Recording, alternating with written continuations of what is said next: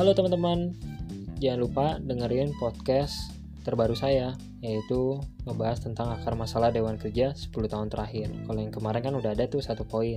Nah di dalam podcast yang terbaru saya, saya menjelaskan ada dua poin lagi. Semoga bermanfaat dan berikan tetap masukan untuk podcast saya yaitu podcast Ningrum Learning Forum. Terima kasih, sampai jumpa di podcast.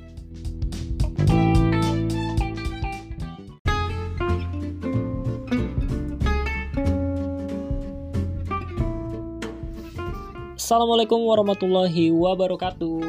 Alhamdulillahirrahmanirrahim Kembali lagi teman-teman Selamat datang di podcast Ningrum Learning Forum.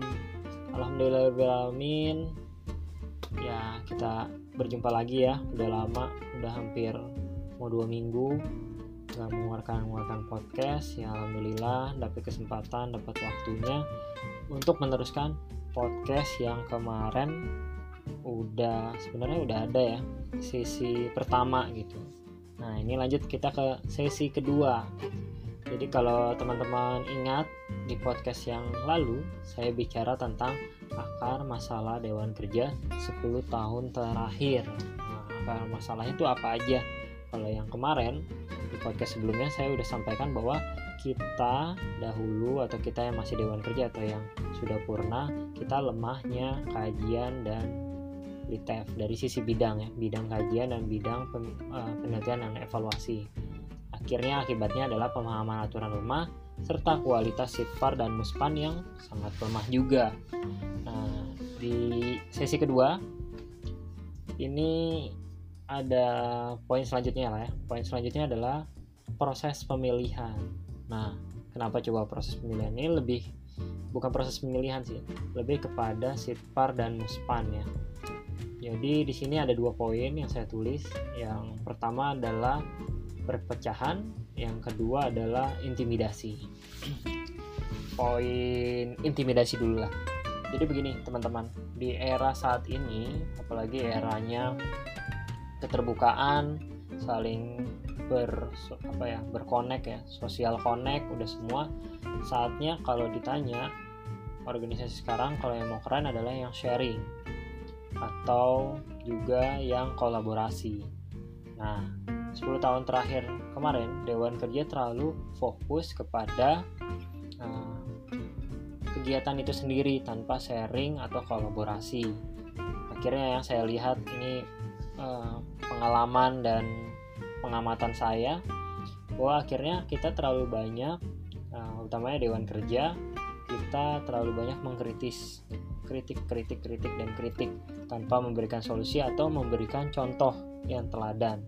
Akhirnya yang saya waktu itu sempat beberapa teman-teman kali ya yang sudah sempat ngobrol sama sama sama saya langsung kalau di tempat lain atau di organisasi lain teman-teman melakukan kritis yang luar biasa tanpa memberikan solusi itu teman-teman akan jadi prestasi. Tapi kalau di dewan kerja akhirnya jadi apa coba? Jadi karma. Nah kalau jadi karma akhirnya hal yang teman-teman kritik di sana uh, akan kembali ke dewan kerja kita sendiri. Nah ini sangat apa ya sangat kita hindari lah dengan kondisi saat ini yang penuh sharing dan penuh kolaborasi. Akhirnya saya mengajak nih teman-teman untuk yuk kita boleh kritis, boleh kritik, tapi jangan lupa berikan solusi dan berikan keteladanan.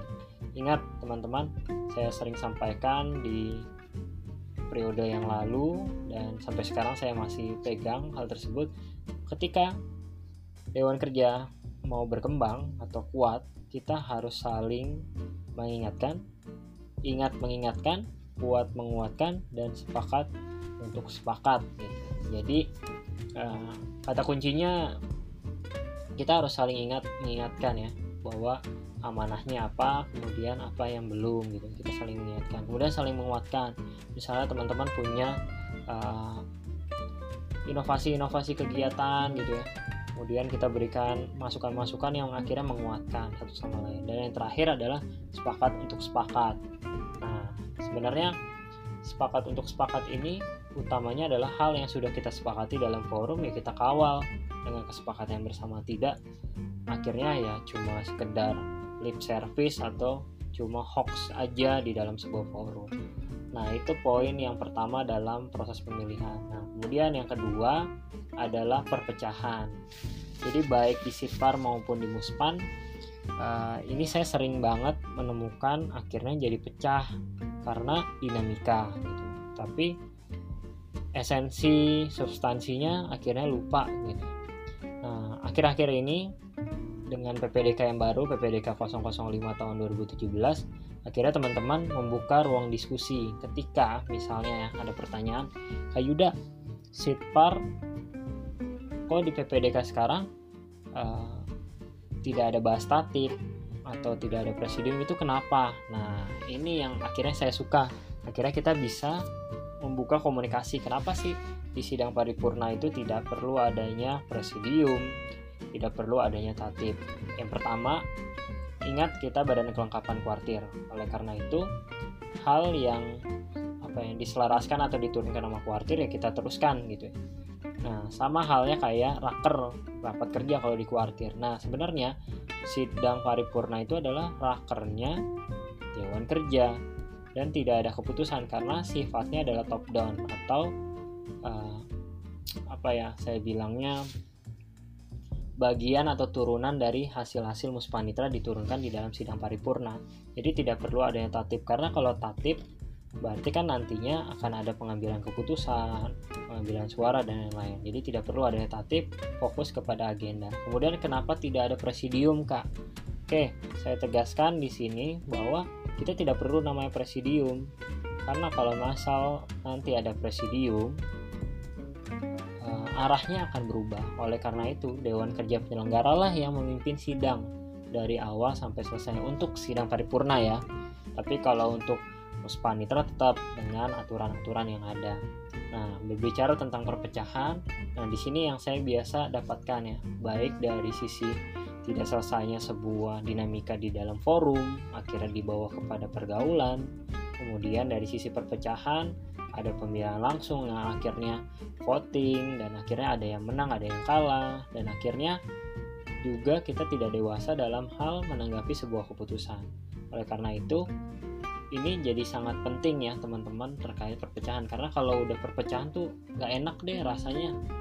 Mau gabung pun jadi agak sungkan atau yang lain. Makanya di PPDK saat ini kita fokus yang poin pertama adalah formatur gitu supaya kita sama-sama melihat apa bebannya, beban muspanitra atau yang ditambahkan dengan munas, kemudian atau musyawarah, kemudian mana yang cocok gitu untuk bisa mengemban amanah. Jadi fokus kepada uh, siapa yang akan kita berikan amanah, bukan menang kalah gitu atau membuat sebuah uh, atau yang lain gitu. Nah ini juga uh, mungkin nanti ada forumnya sendiri kali ya atau podcastnya sendiri saya bahas tentang dinamika di Muspanitra gitu yang teman-teman tahu juga.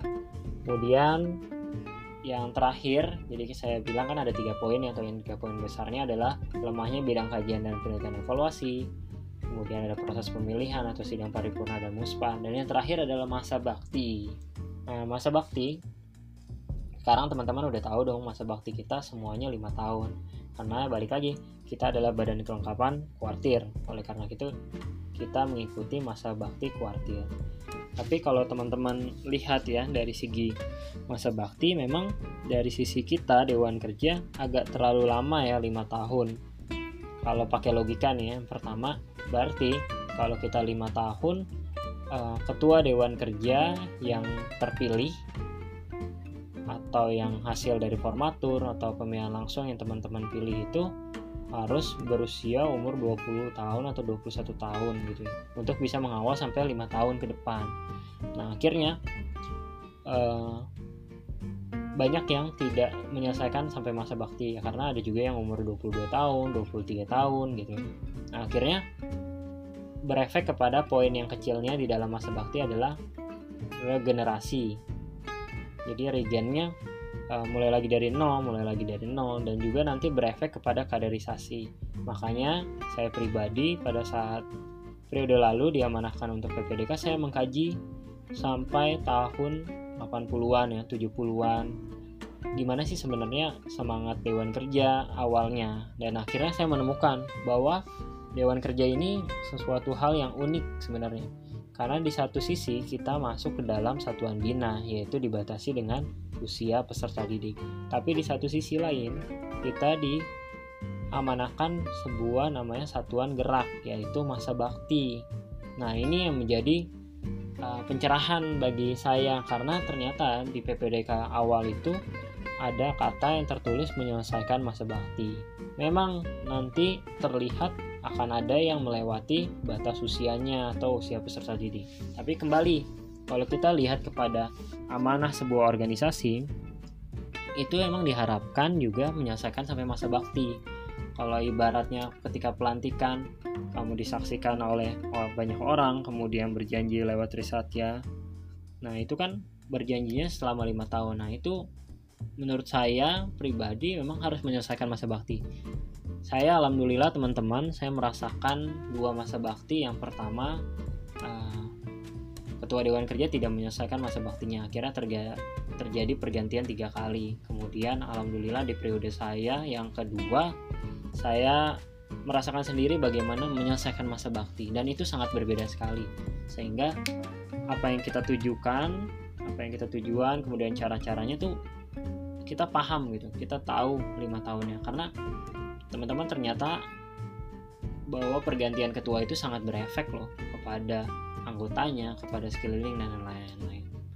Nah itu yang saya bisa sampaikan bahwa akar masalah Dewan Kerja 10 tahun terakhir seperti itu. Kemudian peluang-peluang perubahannya apa sih?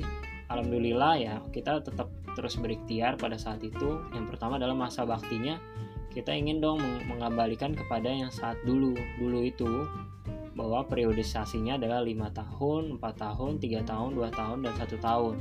Itu dari Kuarnas, Kuarda, Kuarcap, dan akhirnya di masa bakti ketiga kalau teman-teman mau simulasi itu akhirnya ada sebuah harmonisasi yang bagus. Ketika masa bakti Dewan Kerja Ranting sudah selesai, dia ada keharapan untuk bisa masuk ke DKC, DKD, dan lain-lain. Nah itu teman-teman boleh simulasi. Kemudian yang kedua, sosialisasi ke kuartis sekaligus memberi masukan ke sismintir, orta atau hmm, peraturan rumah tangga ya, organisasi dan tata kerja kuarnas, kuartir atau yang lainnya dan ADRT. Nah ini sosialisasi sangat penting karena gini, saya menemukan kalau kita ya kita ikut KPDK, ikut LPK yang lain-lain kita sudah diberikan tentang peraturan-peraturan yang update. Tapi kita juga perlu dong ngepush bahwa Eh, kakak-kakak kita yang di kuartir itu juga perlu disosialisasi. Simpelnya karena kita ngomongin dewan kerja sosialisasi aja tentang aturan dewan kerja. Dewan kerja tuh ada di posisi mana cara mainnya bagaimana cara mendidik atau cara membina kayak gimana. Sehingga selaras gitu apa yang ditujukan oleh peraturan dan harapan di kondisi nyata. Kemudian yang terakhir adalah memperbanyak program kajian dan penelitian evaluasi melalui online dan offline. Ini untuk menjawab pemahaman aturan lemah kemudian juga menjawab uh, tujuan dari sidang paripurna dan muspanitra jadi substansinya dan esensinya terjaga. Itu yang saya bisa sampaikan di podcast kali ini. Bahwa ada akar masalah yang kita harus selesaikan dan ini ikhtiar. Alhamdulillah uh, perjuangan ya sudah cukup maksimal di periode saya. Semoga di periode kali ini dan ke depan kita terus berjuang untuk bisa menemukan dewan kerja yang baik seperti apa gitu ya. Mungkin itu aja dari saya. Terima kasih teman-teman yang sudah mendengarkan dan tetap berikan masukan kepada podcast saya, podcast Ningrum, apa yang saya bakal bahas. Bisa ngomongin pramuka, bisa ngomongin pendidikan, bisa ngomongin karir, bisa ngomongin trends dan masih banyak lagi. Terima kasih, sampai jumpa di podcast selanjutnya. Assalamualaikum warahmatullahi wabarakatuh.